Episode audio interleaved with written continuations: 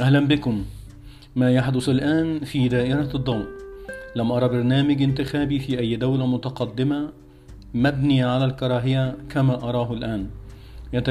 يتكلمون كل يوم عن الديمقراطية وحقوق الإنسان وحرية التعبير. لكن مجرد أن توجه لهم النقد لا يتقبلونه لأنك ستوصف بالغوغائية.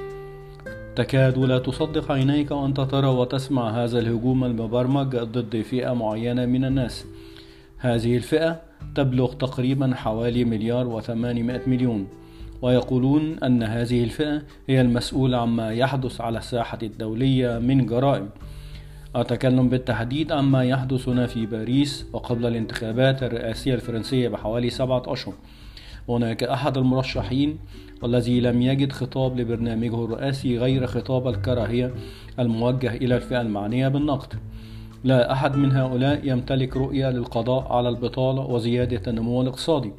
كل مشروعهم وخطاباتهم هي توجيه النقد اللاذع فقط. لم يقرأوا أي شيء عنه ويعرفون عنه أقل القليل كما يعرفون أسمائهم. لم يكلفوا أنفسهم بقول الحقيقة المجردة بل الهجوم ثم الهجوم ثم الهجوم. لا يوجد مكان للعقل أو الحكمة. لم يعرفوا أن هناك قوى عظمى أزالت دول من الخريطة الإنسانية باسم الديمقراطية وحقوق الإنسان.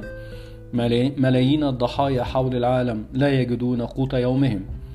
أو كوب ماء للشرب أو كوب حليب للأطفال أو دواء لكبار السن. كل هؤلاء لم يلفتوا أنظارهم. وأن هناك على كوكبنا ضحايا بالملايين يقضون يوميا بأيادي أخرى ليست للفئة المنتقدة المنتقدة دخل فيها.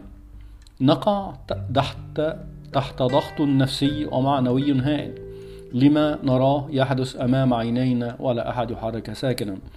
أين القانون الذي يحمي الحياة ويطبق على الجميع؟ دون استثناء. شكرا لحسن إصغائكم. إلى حلقة أخرى قريبا إن شاء الله.